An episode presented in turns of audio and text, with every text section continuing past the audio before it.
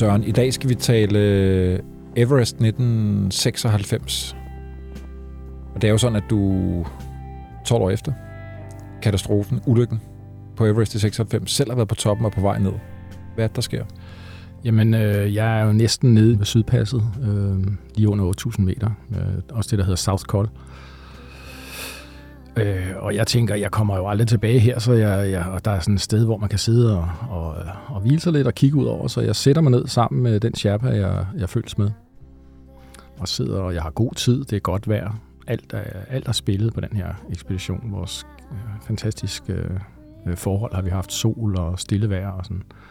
Så der er ikke noget panik overhovedet, det er bare at sætte sig ned og nyde vejret. Og så, da vi har siddet der et stykke tid, så peger øh, min Sherpa-ven, han peger over sådan til siden, og først så kan jeg ikke rigtig se, hvorfor, hvorfor gør han det. Og så lægger jeg mærke til, at der ligger, øh, der ligger en person der, øh, med, som ligger lidt begravet i sneen. Ansigtet eller hovedet er begravet i sneen. Det er det første lige jeg ser på Mount Everest, selvom man snakker om, at der er lige overalt. Men det er det første, jeg ser. Og jeg havde ikke set det, hvis, øh, hvis min øh, ven ikke havde forvist mig det. Og så går der sådan lidt, du ved, ting, tankerne går langsomt derop, så, øhm, så tænker jeg, det er, jo, det er jo her. Det er jo her Scott Fischer omkom. Lederen af den ene ekspedition. Og jeg har jo mødt Scott Fischer flere gange. Jeg har mødt ham i Nepal, jeg mødte ham i København. Øhm, så jeg har jo mødt ham i live, og, og nu ligger han her. Og jeg, altså, umiddelbart tænker jeg, hvor er det dog et spild, fordi jeg ved, at han har børn og kone og familie, og og øh, ja, det er jo på den måde meget trist. Og så tænker jeg, at det er jo på den måde, at det er jo det med at bestige bjerge er jo en øh, meget sådan absolut ting. Ikke? Altså, det går tit, enten går det rigtig godt, eller også går det rigtig skidt. Der er også nogle gange nogle gråzoner, men, øh, men når det går rigtig skidt, så går det jo sådan, at så, så kommer man ikke hjem. Og man kan sige, han er jo ligeglad. Det går ikke ud over ham. Øh, men det er jo hans familie, og især tænker jeg hans børn. Så jeg tager et billede, fordi jeg tænker, vi skal også have ham væk, eller vi skal have ham ned til, han skal hjem og begraves og sådan noget, ikke? selvom jeg godt ved, at det er jo helt urealistisk. Øh, det vil jo koste, altså der skal jo 20 mand til at, at bære ham ned, og hvorfor sætte levende menneskers liv på spil for at, at, at bære en død mand ned. Ikke? Det ved jeg godt. Det synes jeg sådan set selv er, er moralsk forkert. Men det er sådan lige, hvad jeg instinktivt øh, øh farver i mig. Han må hjem til familien, og de må begrave ham. Ikke?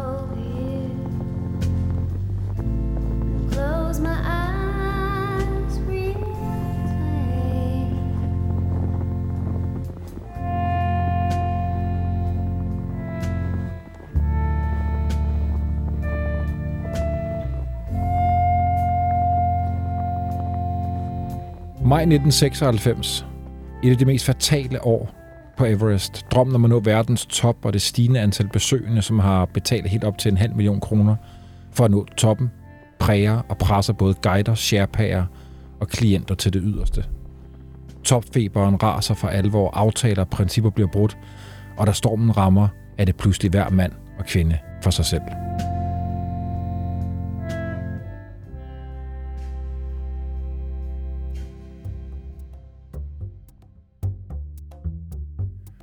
Du lytter til Den Yderste Grænse. Jeg hedder Bjørn Harvi, og dette er det sidste afsnit af sæsonen, hvor vi dykker ned i ekspeditioner, der gik grueligt galt.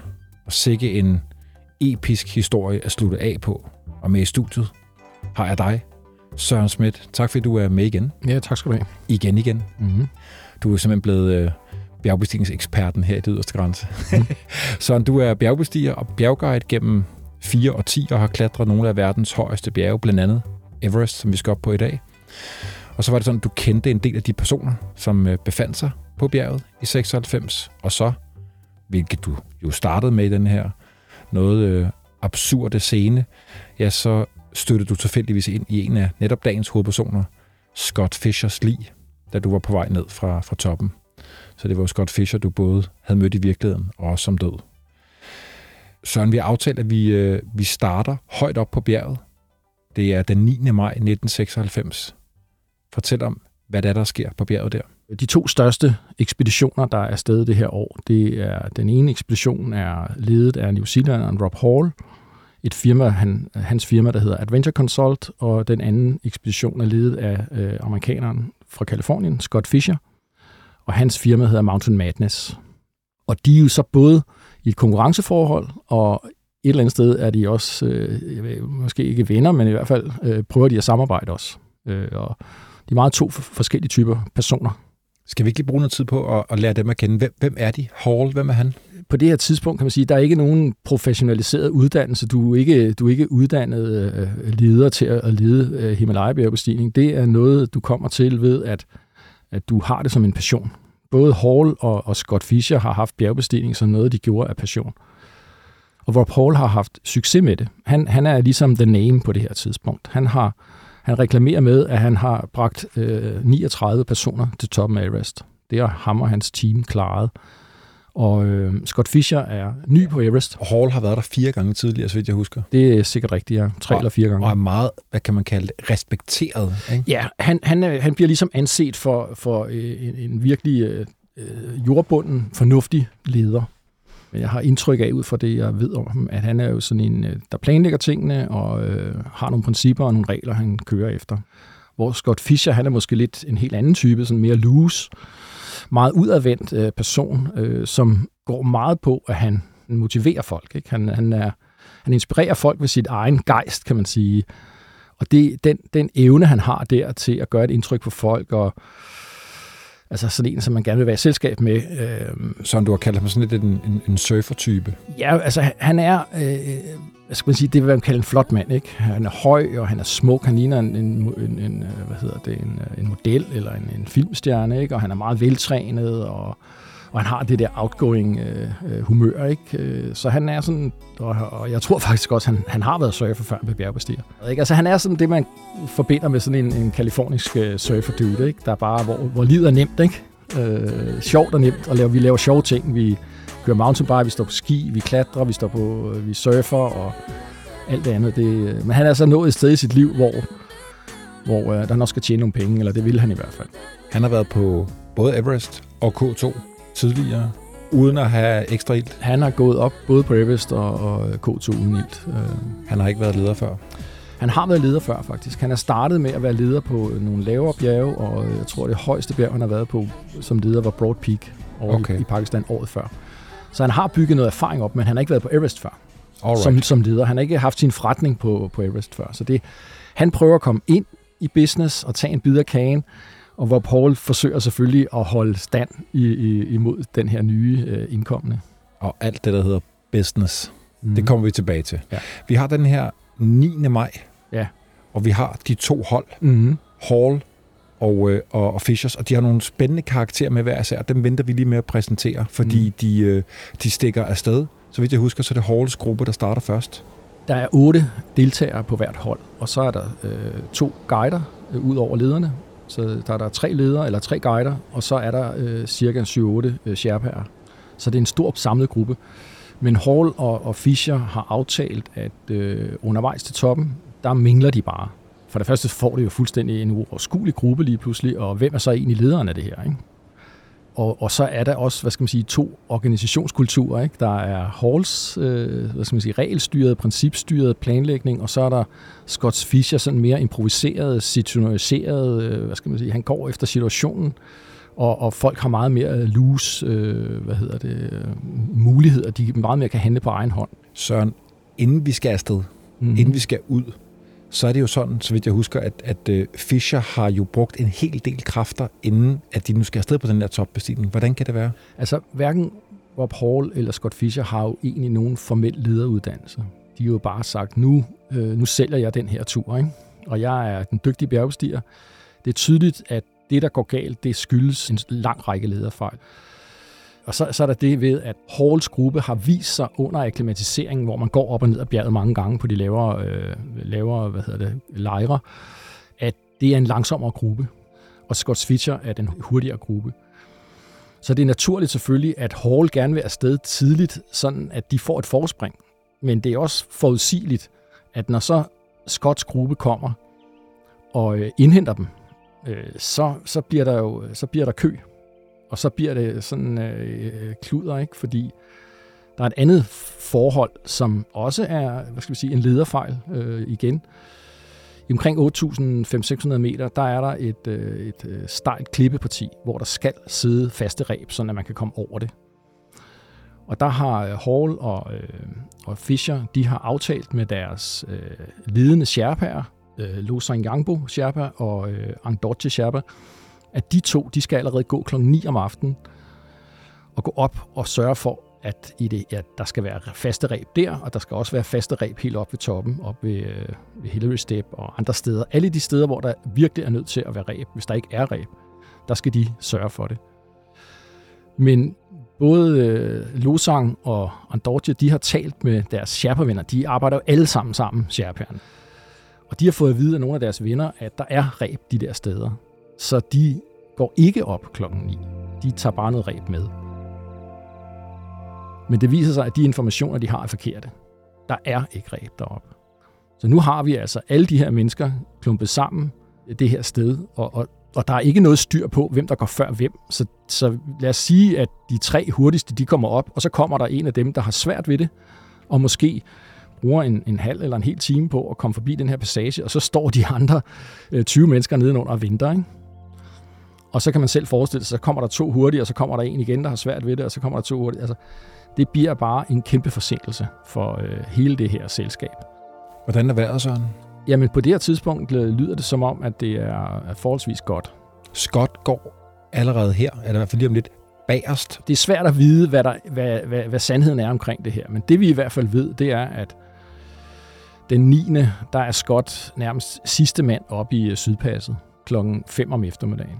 Og det er han, fordi at dagen før, eller nogle dage i dagene før, der er der en af hans øh, kunder, som også er hans gode ven, øh, Dale Cruz, har han valgt selv personligt at følge helt ned til basislejren. Så han er allerede bagud på point, kan du sige, sådan rent øh, energimæssigt. Ikke? Øh, altså det er en halv bestigning af Everest, han det, laver det op det og ned? Det er nærmest en halv bestigning. Han går hele vejen ned til 5.000, og så skal han hele vejen op igen. Ikke? Og hvor man tænker, det er jo igen en ledelsesfejl, fordi øh, som leder ved man godt, at der skal man jo, ligesom en af ens øh, store opgaver, det er at bevare overblikket og sørge for at holde øh, øh, hvad hedder det, sin, sin folk på den rette kurs. Og hvis de afviger, at man så får justeret det. Men han mister jo overblikket over situationen, fordi han, har ikke, han ikke selv har nogen ressourcer. Han er træt. Fischer har vel på en eller anden måde overvurderet sig selv? Han er jo det, det, jo, det kan jo meget nemt, når man er så stærk, som han har været, så kan man jo meget nemt tro, at man ligesom har uendelige kræfter. Og, øh, og det viser sig jo ret tydeligt, at det har han ikke. Og han mister overblik, men han, han vælger så også, og jeg kan ikke vide, om det er efterrationaliseringer, men historien er nu, at hans strategi for bestigningen for hans gruppe var, at han skulle have sine tre stærke folk ude i front. Altså Anatoly Bogrev, øh, ham fra Kazakhstan, en af verdens bedste bjergbestigere. Neil Biedelman, som er øh, en amerikansk bjergguide, og så øh, Luzon Yangbu Sherpa, hans øh, øh, sardar, altså hans ledende øh, øh klatre Sherpa. De skulle så være i front, og de skulle så skiftes til at træde spor. Og så ville han så selv tage opgaven som at være den, der samlede de deltagere op, der var langsomst, eller eventuelt sagde til dem, at de skulle, øh, eller sendte dem ned. Og hvis han havde været stærk, så havde han med tiden indhentet det der første hold. Det ville han absolut. Altså, så vil han, det typiske ville være, at sådan en gruppe øh, fordeler sig på tre øh, mindre grupper. Der er dem, der er i front, som er, har en god dagsform, og så er der en lidt større gruppe i midten, som er sådan en, en jævn, jævn god form, og så er der en, to, tre, der måske har en dårlig dag. Ikke? Og problemet er, at Fischer allerede der nok begynder at blive træt. Han er allerede, da han kommer op til Sydpasset South Call, inden han starter øh, bestigningen, der er han allerede øh, alt, alt for øh, belastet fysisk.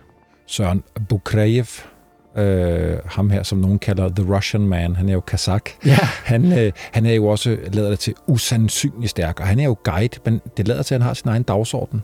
Grunden til, at jeg nævner om det, er, fordi han senere jo kommer til at, at, at, at, at være sådan både en, en, en skurk og måske også en, også en stor held. Altså han får sådan en dobbeltrolle, og det afhænger lidt af, hvem man spørger han har nogle principper. Han er jo blevet dygtig blandt andet, fordi at han har nogle, altså, og han har også en, hvad skal man sige, en etik i forhold til sin klatring, og han vil ikke bruge ilt. Det har han ikke gjort på nogen bjerge, og han har, har også en, en track record, et CV, klatter-CV, hvor han kan vise, jeg er rigtig god til at klare mig i højden uden at bruge ilt. Og det har jeg heller ikke tænkt mig at gøre her. Det, som han ikke forstår, og der hvor jeg også igen synes, at Scott Fischer som leder øh, svigter, det er, at han giver ham lov til at gå uden ilt. Øh, men han lader ham gøre det, og det er måske igen det der, at, at Scott Fischer er en flink fyr, en flink mand, og de er jo venner, du ved, de er jo ikke de er jo ikke, det er jo ikke arbejdsgiver og arbejdstager her. Vel? Altså, og måske sådan lidt, oh, han er en af verdens bedste, ja, og hvor meget verdens, kan Måske er der også noget der, ikke? Altså, men i hvert fald får øh, Bukrev lov til det. Og Bukrev har også nogle forslag til, hvordan de skal gribe det hele an. Og der får han også lov til, øh, når Bukrev har været på toppen, så får han lov til at gå ned i basislejen, i stedet for at blive gruppen. Og det er jo også sådan lidt underligt ud fra et ledelsesmæssigt synspunkt, at at den mand, der egentlig er en kæmpe, kæmpe ressource for holdet, at han så ikke er ved holdet. Det er jo mystisk. Søren, det er Fischers ja, hold. Ja, ja. Så har vi jo Halls hold. Ja. Der er nogle af deltagerne, der allerede er vendt om. Hall, han har sådan nogle principper, som har virket for ham, som han så ikke fraviger. Øh, og det betyder blandt andet, at han har sagt til gruppen, at de skal holde sammen ind til 8.400 meters højde. Altså op noget, der hedder balcony. Problemet er, og det undrer mig, at Hall ved jo godt, at som jeg sagde før, at normalt så deler en gruppe sig i tre. Altså der vil være nogen, der går i front, der er nogen, der går i midten, og nogen, der går sidst. Og det betyder jo, at hvis han siger, jamen nu skal I alle sammen holde sammen, så betyder det, at hvis der så er nogen, der kommer foran, så er de nødt til at sætte sig ned og vente på, på de sidste.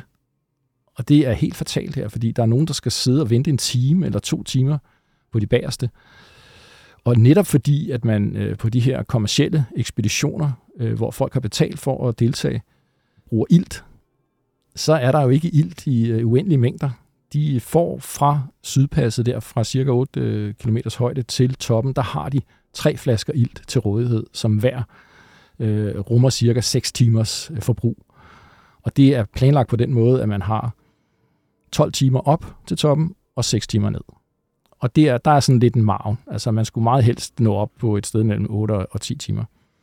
Så der er to timers øh, marven på vej op, og, der er, og så skal man kunne komme ned på omkring 4 timer og så er der sådan to timers på vej ned. Men hvis man skal sidde og vente hele vejen op, altså, så går der jo kug i det, altså, fordi så bruger man sin ild, og det er der så fire af Rob Halls øh, deltagere, de er næsten, altså de er jo en time eller to fra hovedtoppen. Hold da op. Men, øh, det er sent ude, og de har forstået på Rob Hall, at øh, han har nogle faste principper, som hedder, at øh, vi vender om klokken 1, uanset hvor vi er på bjerget de har ikke så igennem de her 4-5 uger, de har været sammen med ham, fået det indtryk, at når han siger det, så mener han det.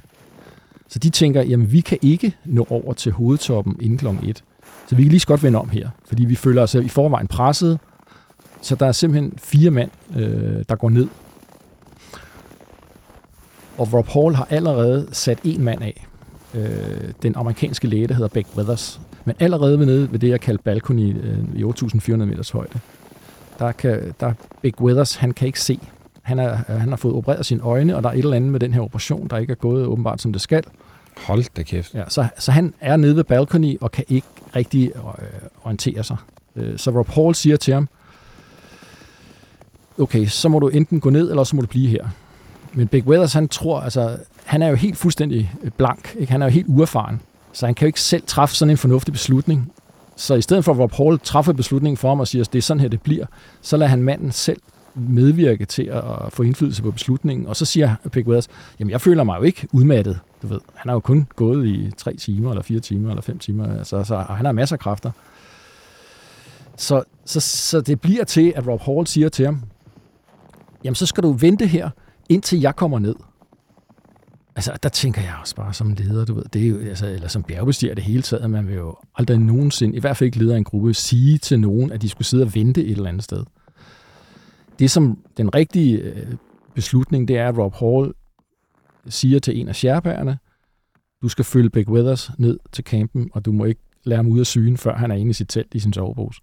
Det havde været den rigtige beslutning. Men det ender med, at Big Weathers, han står og venter der i 10 timer, tror jeg. Så allerede der er der fem mand, der er, ude af spillet. Du nævner det her princip, som Hall har, som jeg gætter på, rigtig mange andre har. Vi skal være op på toppen klokken et eller andet, og hvis vi ikke er der ligegyldigt, om vi er 5 meter fra toppen, så vender vi om. For ellers ja. så når vi ikke ned, ja. inden det bliver mørkt. Ja.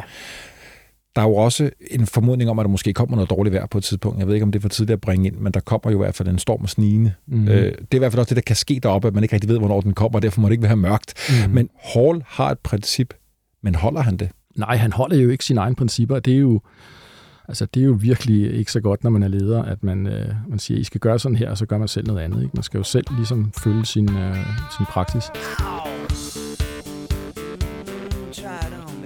Hall har året før haft øh, en, en med, der hedder Duke Hansen, en amerikansk øh, postarbejder, der har arbejdet to jobs for at have råd til at tage med på den her tur. Han var også han var på Sydtoppen året før.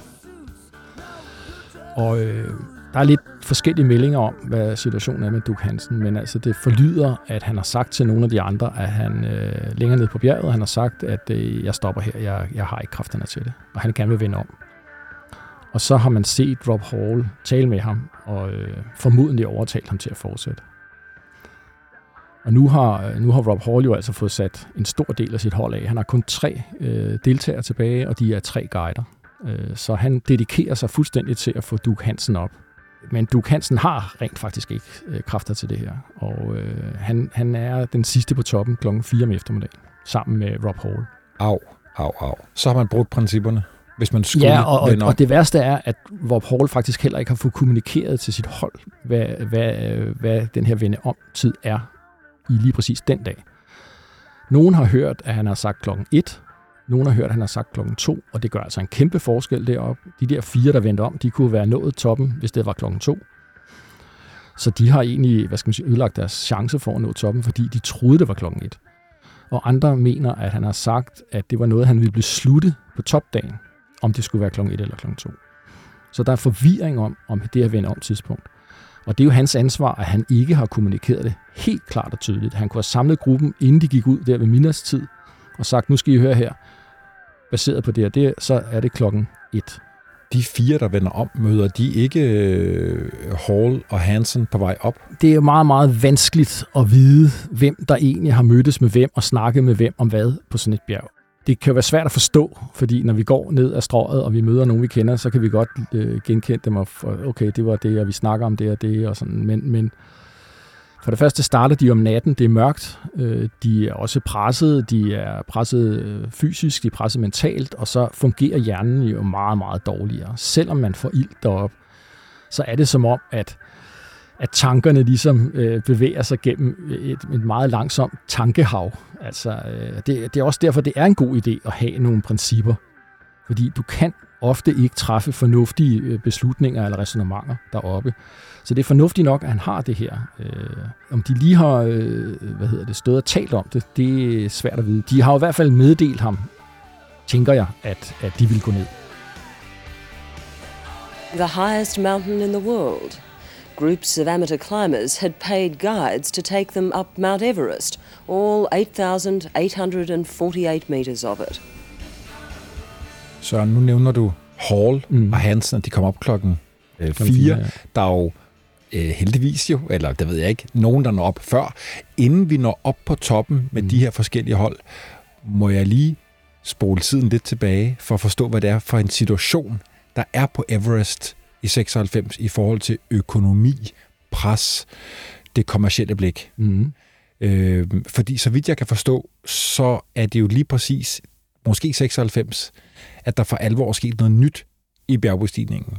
Altså at nu kan man betale en masse penge, og med måske mindre kundskab og færdigheder, man har haft tidligere, kan man blive hjulpet op. Kan du ikke fortælle, hvad det er for en, en tid, der er? Altså, jeg har skrevet noter, der hedder to rige amerikanere og Seven Summits. Man kan godt sige, at det er en eller anden form for kulmination af en udvikling, der i hvert fald startede allerede i 1986, øh, hvor der var to øh, amerikanske milliardærer, øh, og de besluttede sig for, at de ville bestige verdens syv højeste bjerge på hver kontinent. Og hvad gør man, når man er forretningsmand og har mange penge? Jamen, så hyrer man nogle de dygtigste folk til at hjælpe sig. Så de fik fat i de dygtigste bjergbestigere i verden, øh, i hvert fald de dygtigste amerikanere, og sagde til dem, hvad skal det koste? Kan jeg arrangere, at vi, øh, vi kommer afsted her? Det siger en, en, øh, en øh, bjergbestiger jo ikke nej til, hvis han har evnerne og, og, og, og har tid og har lyst til det. Det er jo en anden form for udfordring end en almindelig bjergbestigning at, at, at sætte sådan noget i værk. Det er jo logistik øh, for det meste. Men det lykkedes rent faktisk øh, for de her bjergbestiger at arrangere det her, for det åbnede, hvad skal man sige, et nyt perspektiv for bjergbestigere.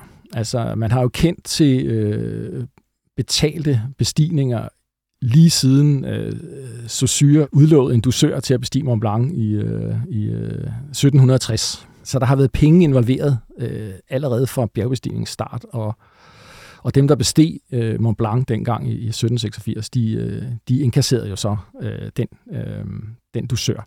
Og siden har hvad hedder det, øh, lokale øh, bjergbønder har jo tjent penge i, uden for sæsonen ved at være guider øh, og, øh, og vist vej for velhavere fra London primært. Ikke?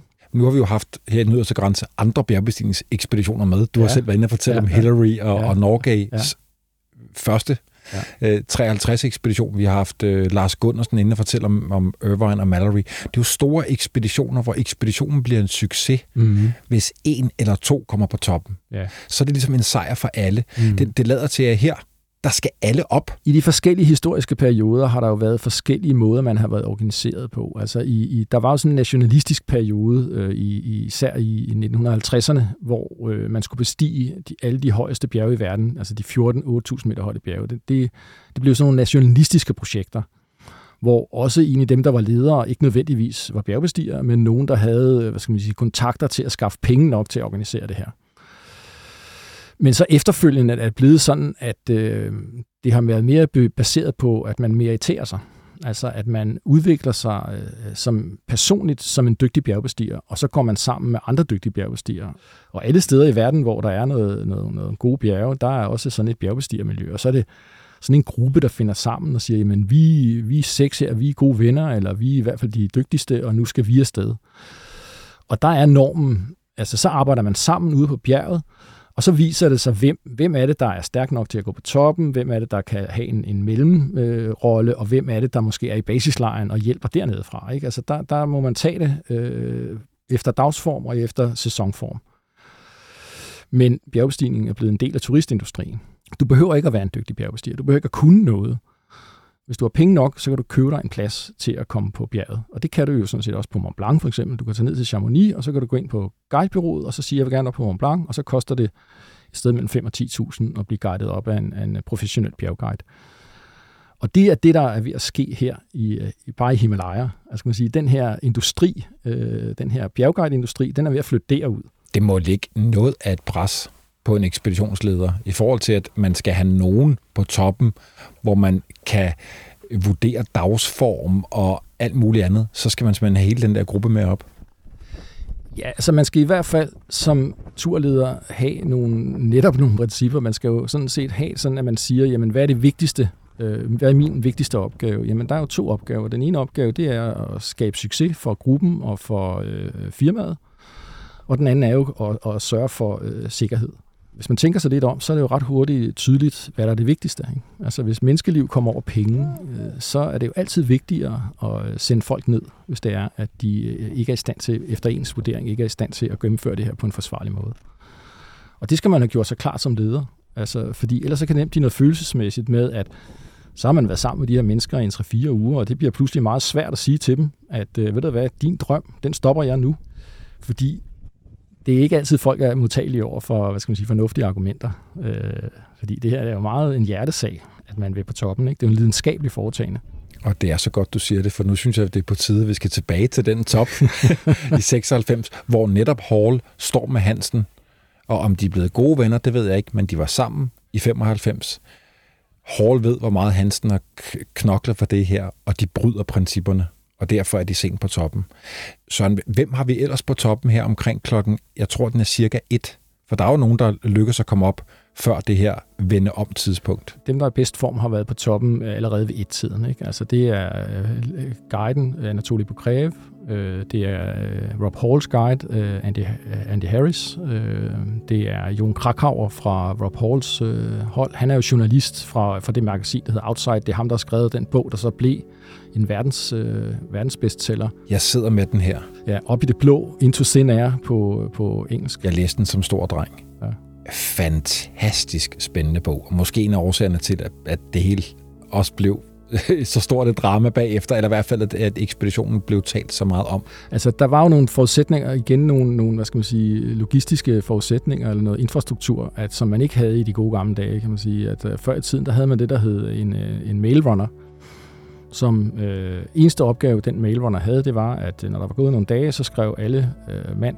breve til deres koner og kærester og børn, og så løb den her mailrunner ned til nærmeste et eller andet sted, posthus, hvor han kunne aflevere de breve, så de kom videre ud i verden. Og så tog han de, den postkorrespondance med, som der var kommet frem, og, og bar den op til øh, gruppen, som i mellemtiden havde skrevet nogle nye breve, og sådan løb han bare frem og tilbage. Det var hans eneste job. Men det, der er sket i 96, det er jo, at øh, teknologien har udviklet sig, så nu har man satellittelefoner. Så nu kan man jo simpelthen øh, ringe hjem. Krakauer siger, at der er en 4-5 telefoner nede i basislejren. Folk de ringer rundt øh, øh, til familie og venner hver aften, og hans kone nærmest ved mere om, hvad der sker på bjerget, end han selv gør. Jamen det er jo fordi, at, at den samlede information... Øh, nede i basislejren, der har de jo... Når, når folk er aktive oppe på bjerget, så er de jo ikke andet at lave, end at være nysgerrige, og, og, og så i øvrigt holde øje med, hvad, hvordan går det med, med mine folk oppe på bjerget. Der er jo 13 ekspeditioner det her år på, øh, på sydsiden af Everest. Og så har man det, der hedder en basecamp manager, og nogle af de basecamp manager på, på de mest, øh, øh, hvad hedder det, de rigeste af de her ekspeditioner, der har de jo så øh, rådighed over en satellittelefon.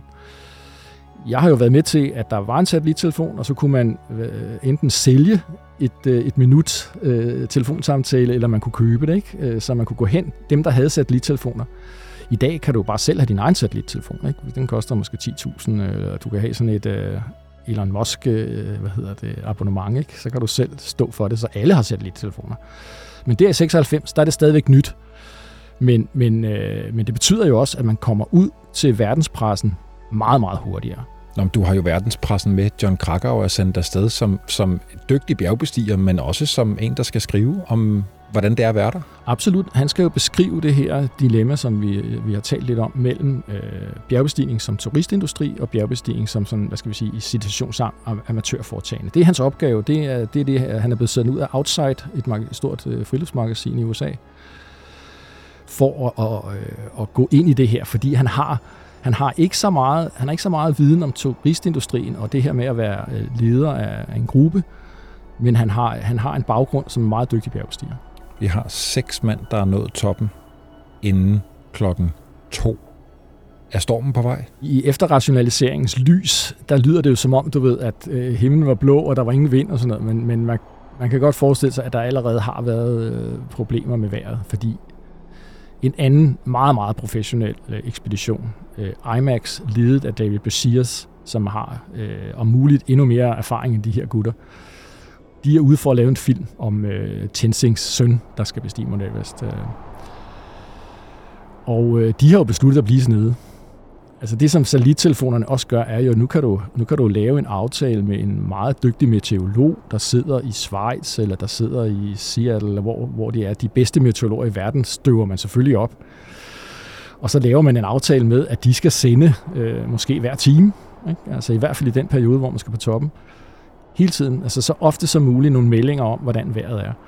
Og David Brasiers har jo altså valgt at blive nede, og de har jo måske et budget, du ved, på, øh, altså her snakker vi jo ikke, at man betaler 500.000 for en, øh, for en billet. Der snakker vi måske 50 millioner dollars for en film, ikke? Og han har i hvert fald ikke råd til, at øh, det går galt. Så han har jo valgt at blive nede. Og det synes jeg sender et signal om, at der måske har været nogle vejrudsigt, der har fortalt, at, at det her, det er ikke det rigtige tidspunkt.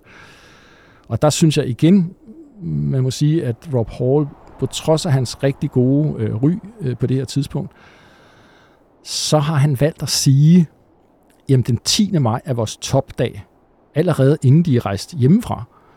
Det er noget med, at alle de andre gange, han har været på toppen, der har det været 10. maj. Det er i hvert fald noget med, at han har en, en erfaring med, at de andre gange, han har været deroppe, der har det været en god periode. Men altså, det viser måske noget om, hvad skal man sige, den, den, altså, vi snakker jo ofte om, at der, der er sådan øh, forskellige personligheder. Ikke? Han har måske sådan en lidt rigid personlighed, hvor Scott Fischer har en mere fleksibel personlighed. Ikke? Om de skulle have blandet det lidt, vi skulle have rørt dem sammen i en gryde. Fordi du er nødt til at kunne gå fra principperne og planerne og alt det her, og over og være fleksibel i forhold til forholdene. Det er jo forholdene, der skal bestemme, øh, hvad du skal gøre. Så at bestemme på forhånd, at du skal gå på toppen 10. maj, det er, det sender selvfølgelig et klart signal til din gruppe om, jeg styr på tingene, du ved, jeg ved, hvad jeg vil, og så videre. Men du er nødt til at kunne kommunikere på en anden måde, og også sige, jamen, nu har jeg altså øh, ud fra de her forhold, der er det her, det her og det her, så besluttet, at vi gør det ikke den 10. maj. Det bliver den 20. maj. Søren, vi har talt om det før og tidligere. Topfeberen, summit fever. Fordi folk bliver ved med at komme op, selvom de burde have vendt om det giver jo sådan en indikation af, at på det her tidspunkt har vejret faktisk været okay. Altså, der har i hvert fald ikke været det, vi kalder white out, eller, så, eller voldsomt snifald. Det kan godt være, der har været vind, men det kan folk tænke, nå jamen, det skal der vel være på et bjerg, ikke? selvom du er amatør, eller selvom du hvad hedder det, uerfaren. Og, og så har man jo altså også betalt en halv million kroner for at komme op på toppen, ikke? Øh, så man vinder jo ikke om bare lige fordi, at, at det blæser lidt. Øh, så der har muligvis været noget vind. Øh, øh, så der er nogen, især for Scott, og de, måske har de også følt sig stærke. Altså, de har følt sig okay, og der har jo heller ikke været en leder, der har monitoreret dem for alvor. Altså, Anatoly Bukreve, han er meget optaget af, hvad, hvad han skal, hvad hans rolle er. Han monitorerer dem ikke. Den, der i virkeligheden gør en, en kæmpe stor indsats, synes jeg, er Neil Beetleman, som hele vejen igennem han er med til at sætte fiksræb op øh, på stort til hele ruten. Han venter på folk op på toppen. Han følger, dem, han følger gruppen med ned og ligesom... Han, han er virkelig, øh, hvad skal man sige, han er en meget underspillet figur i hele det her. Men han, man kan se, når man, når man sætter sig ind i det, at, at han, han tager et stort ansvar på sine skuldre. Bukrev, The Russian Man, Kazakken, mm. den fantastisk dygtige bjergbestiger. Han er jo en af de første oppe, og også mm. hurtigt på vej ned. Ja. Han kommer forbi Beck Weathers, manden, der står og venter på The Balcony? Først og fremmest så møder han jo Scott Fisher, som er under, under hvad hedder det, Hillary Step, som er lige under toppen. Og så ifølge Bukrev, så har de en samtale, hvor øh, Bukrev siger, jamen er det, ikke, er det ikke den rigtige øh, plan, at jeg går ned til basislejren og hviler, gør te klar og gør noget ild klar, så når folk kommer ned fra toppen, så kan jeg gå dem i møde. Og, øh, og ligesom hvis der er nogen, der er presset, så kan jeg hjælpe dem. Er det ikke, er det, ikke det, jeg skal gøre? Og det går Scott Fisher med på. Men det er altså ikke deroppe, man skal aftale den slags ting, det må jeg bare sige. Fordi der tænker man for det første ikke klart, og for det andet, så er Scott Fischer på det her tidspunkt rigtig, rigtig træt. Han er sidste mand oppe. Han er, øh, ja, han er måske lige lidt før Duke Hansen, men han, er, han har været rigtig dårlig form i løbet af hele natten og hele formiddagen. Rigtig skidt gående. Så det er for hans vedkommende ikke kun noget med, at han har planlagt at være den, der skal sweepe, altså den, der er fejebredplade og skal samle dem op, der ikke kan klare sig. Han er jo den, der ikke selv kan klare sig, og burde være nogen, der har sagt til ham, du vender om og går ned. Men der er jo ikke nogen til at sige det til ham, andet end ham selv. Jeg er i hvert fald svært ved at forstå, hvorfor han bliver ved med at gå op af, fordi han har helt tydeligvis ikke øh, overskud til det, men han har jo det, som mange dygtige bjergbestiger har, at man kan blive ved med at presse sig ud over øh, en grænse, fordi ellers får du aldrig blevet den dygtige bjergstiger. En anden, der når grænsen, det er Hansen, for han bryder sammen på vej ned. Du har de her øh, seks mand, der når først op omkring ved et-tiden, og de går så ned hurtigt, og det er også dem, der klarer sig bedst. De når ned i teltene, inden det bliver dårligt vejr. Så har du en stor mellemgruppe fra Scotts Fishers hold, som også når toppen, men lidt senere omkring ved øh, mellem 14 og 15 når de toppen. Og de går først, de vinder først om klokken øh, lidt over lidt over tre vinder de. Vinder der er både mænd og kvinder, vi lærer dem at kende lige om lidt, blandt ja, andet ja. Øh, danske Lene Gammelgaard, jo, ja. som så bliver både dans, første danske kvinde og skandinaviske kvinde på, på toppen Everest. Ja, hun er, hun er på Scott Fishers hold, øh, og hun går i den her mellemgruppe med Charlotte Fox, og der er sådan øh, Sandy Pittman, der er forskellige folk der. Neil Beetleman venter op på toppen. Han er i den her første gruppe, men han er bjergguiden. Han venter på den her gruppe og går ned med dem, og er faktisk med dem hele vejen ned, og også hele natten. Det, der sker på vej ned, er, at øh, Ukraine, som så laver den her, ifølge ham selv, den her aftale med Scott Fischer, og den bliver bekræftet af nogle af Scott Fischers øh, medarbejdere nogle år senere, som også har hørt, at det var det, der skulle være aftalen. Ned i balkoni omkring 8.400 meters højde, der møder øh, Bukrev øh, den amerikanske læge Beck Weathers, som har stået og ventet på Rob Hall jeg kan ikke huske, hvor mange timer der er gået. Ej, men nu er der i hvert fald gået mange timer, ikke? Altså, og du, kan selv, du ved jo selv bare stå øh, her ved havnen i København i 6 timer. Det vil du nok ikke bryde dig om, vel, hvis det er sådan lidt halvdårligt vejr. Og stå op på Mount Everest i 8.400 meters højde, og du kan ikke rigtig se, og øh, du er helt alene. Men altså, han har en lidt speciel psyke, ham her Beck Weathers, og også fysik finder vi ud af senere. Men det, som kan virkelig undre, det er, at øh, Ukrev møder ham så der, og, og forstår, at han har stået og ventet der øh, hele natten og hele formiddagen og hele øh, en god del af eftermiddagen. Og måske fordi de ligesom er på to hold, og Bukrev har jo en anden opgave. Han skal jo ned og gøre sig klar til at være øh, klar til Scott Fishers gruppe, og øh, Beck Weathers hører til Rob Halls gruppe, selvom de jo har talt om det her med, at de er, nu er de bare en stor gruppe. så lad Bukrev ham stå. Og det, det, det forstår jeg som, som turleder ikke, eller ekspeditionsleder ikke, eller guide. Du ved. Det, det, det vil jeg, altså jeg forstår det godt på en måde, men på en anden måde forstår jeg det ikke, fordi det er oplagt, at at du kan ikke lade mand stå så længe, og når du så møder ham, så bliver du nødt til at øh, handle på en eller anden måde øh, og få ham ned. Men det gør han ikke. Bukrev går videre ned og passer sin egen butik, kan man sige.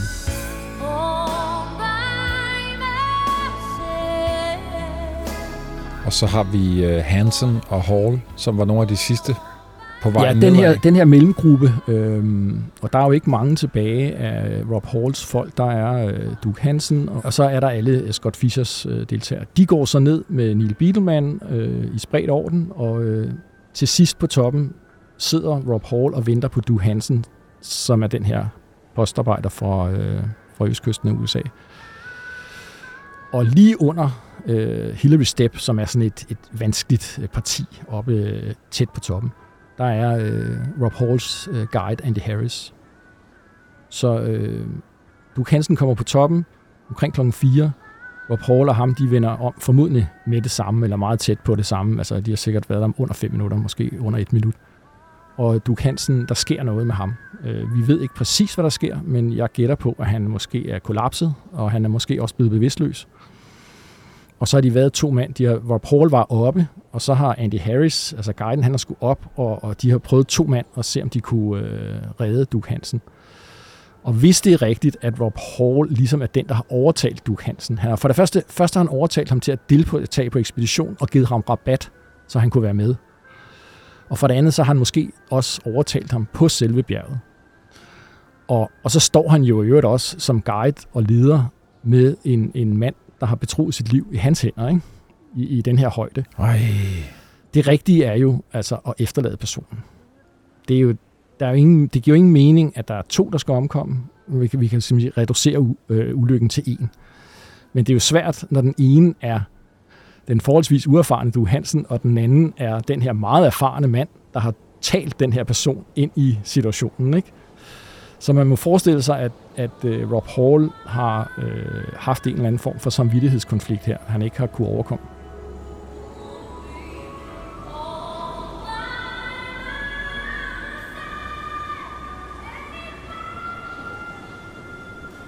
Søren Stormen er på vej. Jeg tror, at stormen er allerede nået frem her. I hvert fald så kommer der en melding fra Bob Hall ned til basislejren øh, over radioerne, at, øh, at han er i en øh, kritisk situation. Han skal have hjælp. Øh. Da han kommer med den melding, ja. har vi første hold nede i teltene der? Ja, ja. De er nede omkring allerede klokken 5, og de andre er spredt ud øh, mere eller mindre øh, sammen ned ad ruten mellem, altså mellem 8.700 og, øh, og 8.000. Ikke? Så der er, en, der, er en, en, der er en højdeforskel på 700 meter ned, og det lyder måske ikke så meget, men, men altså, det er meget i den højde. Når du siger, at Hall kommer med den melding over radioen, hvad er det, han melder? Ja, han melder, at han er i problemer. Og, øh, og det er omkring halv syv om aftenen, og der har, de, der har han jo været der med Duke Hansen i et par timer, og man kan, jeg, kan, jeg kan tænke mig, at eller hvad skal det, Rob Hall og, og Andy Harris har forsøgt at få Duke Hansen ned over Hillary Step, og måske de mislykkede. Og så er de endelig, øh, på grund af, at, at, at stormen så er blevet værre og værre, så de tænker, jamen okay, hvis vi skal selv overleve, så er det altså nu, vi skal ned. Og så har de efterladt ham. Endelig har de efterladt ham. Hvad der så sket øh, på det her tidspunkt, det har vi meget, meget svært ved at vide noget om. Men vi ved jo, at øh, når først stormen rammer på toppen af Everest, så er det jo altså med 250 km i timen eller 400 km i timen, de her vinden kommer med. Andy Harris, han forsvinder. Ingen ved, hvor han er. Øh, man, man har ikke set ham siden. Øh, så han kan, være, han kan have mistet balancen, han kan være blæst af bjerget. Altså det kan være så kraftigt øh, vind, at du bliver løftet op og kastet ud over bjerget. Så kraftigt kan det være. Øh, IMAX-ekspeditionen finder hans isøkse 14 dage efter, så øh, han har været der. På en eller anden måde har han, har han øh, mistet sin isøkse der og, og formodentlig faldet eller blevet blæst ud over bjerget. Hvad sker der med Hall? Der er lige under det, der hedder Sydtoppen, den er en 200-300 meter fra hovedtoppen, men længere nede.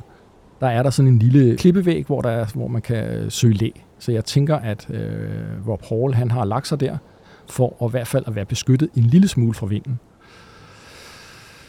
Og så har han besluttet sig for at, øh, at blive der indtil, indtil øh, stormen, fordi det har været simpelthen for kraftigt for ham. Så selvom han har været formodentlig i nogle lignende forhold før, så, øh, så har han ikke øh, tur bevæge sig ud. Øh, og han ved, han ved også godt, at I, øh, hvad var det, i 1975 på en engelsk ekspedition var de to mænd, der, øh, der stod der hele natten, men ikke i en storm.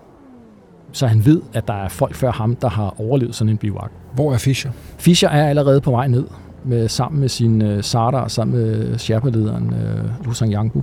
Øh, men det er kun de to, og de er sidst øh, i, i den her mellemgruppe, der er på vej ned. Og hvordan har han det, Fischer? Vi ved jo, at han har på vej op sagt, at han ikke havde det så godt, han var træt og, og så videre, ikke? men det bliver værre og værre for ham, og øh, til sidst så har han muligvis fået det, vi kalder hjerneødem. Højden går på hjernen, og så øh, begynder du ikke at kunne, øh, slet ikke at kunne tænke klart mere.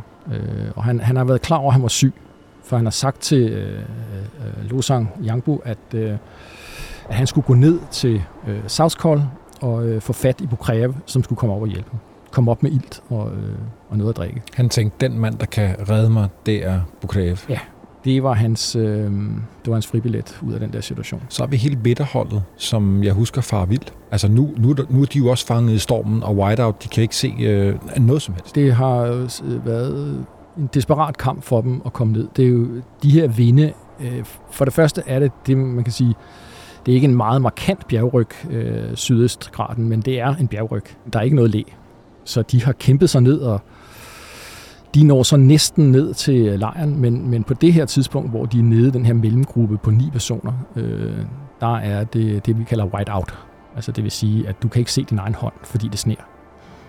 Det er, det er, det er fuldstændig, du er fuldstændig blind. Du går rundt i blinde. Det stormer, øh, så du kan næsten ikke stå op. Mange, vil, mange af dem er blevet blæst om kul og, og svært ved at have haft at rejse sig op igen. Hvad gør de så? Det mest fornuftige er, at de prøver at sige, at vi, vi skal holde sammen. Og øh, guderne må vide, hvordan de har kunne kommunikere med hinanden, men de har, øh, fordi det, du, kan, du skal altså stå næse til næse og råbe ind i hovedet på hinanden for overhovedet at høre, hvad der bliver sagt. Men, men de lykkes i hvert fald med at holde sig samlet, og så ender det med, at de siger, at de har gået rundt i timevis og ikke kan finde lejren. De er på en eller anden måde kommet på afveje.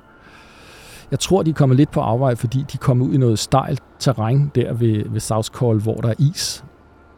Og, øh, og hvis du træder forkert der, så glider du altså ud over. Ikke? Øh, så, så det har de prøvet at undgå, og så er de måske kommet du ved, forkert. Og så bliver de alligevel også spredt for hinanden, for sådan som jeg husker historien, Søren, så kommer Lene, danske Lene Gammelgaard, og hendes marker Klev, de finder faktisk her sådan helt mirakuløst tilbage til, til teltene, hvor blandt andet Bukrev ligger. De beslutter sig for, at vi må ligge her, og så må vi prøve at holde hinanden varme, og det gør de så i nogle timer. Og på et eller andet tidspunkt, så øh, vælger, jeg mener det er Mike Groom, øh, som er guiden for, øh, for Rob Halls øh, team, som er overlevet, og så øh, Line Gammelgaard og Clive Schoening, øh, som er fra Scott Fishers team, de bliver enige om, at øh, jamen, vi overlever ikke det her, hvis vi bliver her. Vi må gøre noget.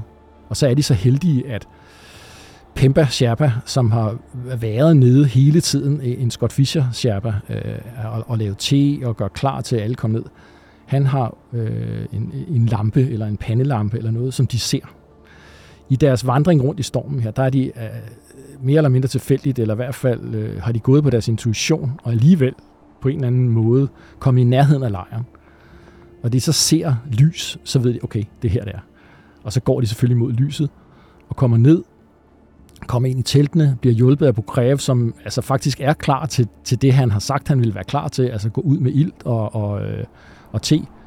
Men han har nok ikke forestillet sig, øh, hvor, hvor voldsom situationen er, fordi han havde forestillet sig måske, at folk var trætte, og han skulle gå et par hundrede meter op og give dem noget te og noget ild. Men her skal han jo ud i en storm, som øh, han er jo heller ikke øh, øh, guddommelig. Han er jo stadigvæk øh, et menneske, som ikke kan finde vej, hvis der er whiteout.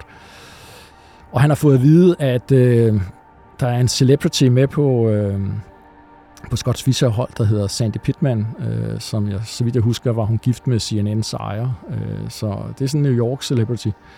Og hun er den, der er i værst, øh, har det værst. Så han har fået at vide, at han skulle redde hende først. Men da han kommer ud, så vurderer han, at øh, hende, der hedder Charlotte Fox, som er en, øh, en, en øh, skiinstruktør fra Aspen i Colorado, at det er hende, der skal hjælpe først. Så han, han, eller i hvert fald er hende, han kan få op at stå på benene og kan hjælpe ind. Så han hjælper først hende ind, øh, og så går han ud igen, øh, og så hjælper han øh, Sandy Pittman ind, og får også Tim Madsen med. Så det er jo en kæmpe helte, heltegærning, ikke? Ja, altså det, han sætter i hvert fald sit eget liv på spil op til flere gange. Og, øh, Og så er, hvad hedder det, Losang Yangbu, øh, Scott Fischers øh, øh, Sherpa og øh, Sardar, han er kommet ned til lejren og har meddelt, at Fischer ligger deroppe og har problemer, og har bedt om, at Bukrev kommer op. Så Bukrev han går ud endnu en gang i stormen. Nej, og denne shit. gang, der skal han altså 400 meter op. Men han, han får øh, skaffet noget ilt og skaffet noget te, og får, øh, jeg mener også, han får øh, trummet to Sherpaer sammen. Og så går de tre mand op for at, at finde Scott Fischer. Og de finder ham faktisk. Men på det her tidspunkt er han død. Og øh, der er ikke noget at gøre, så han må bare vende om og gå ned igen.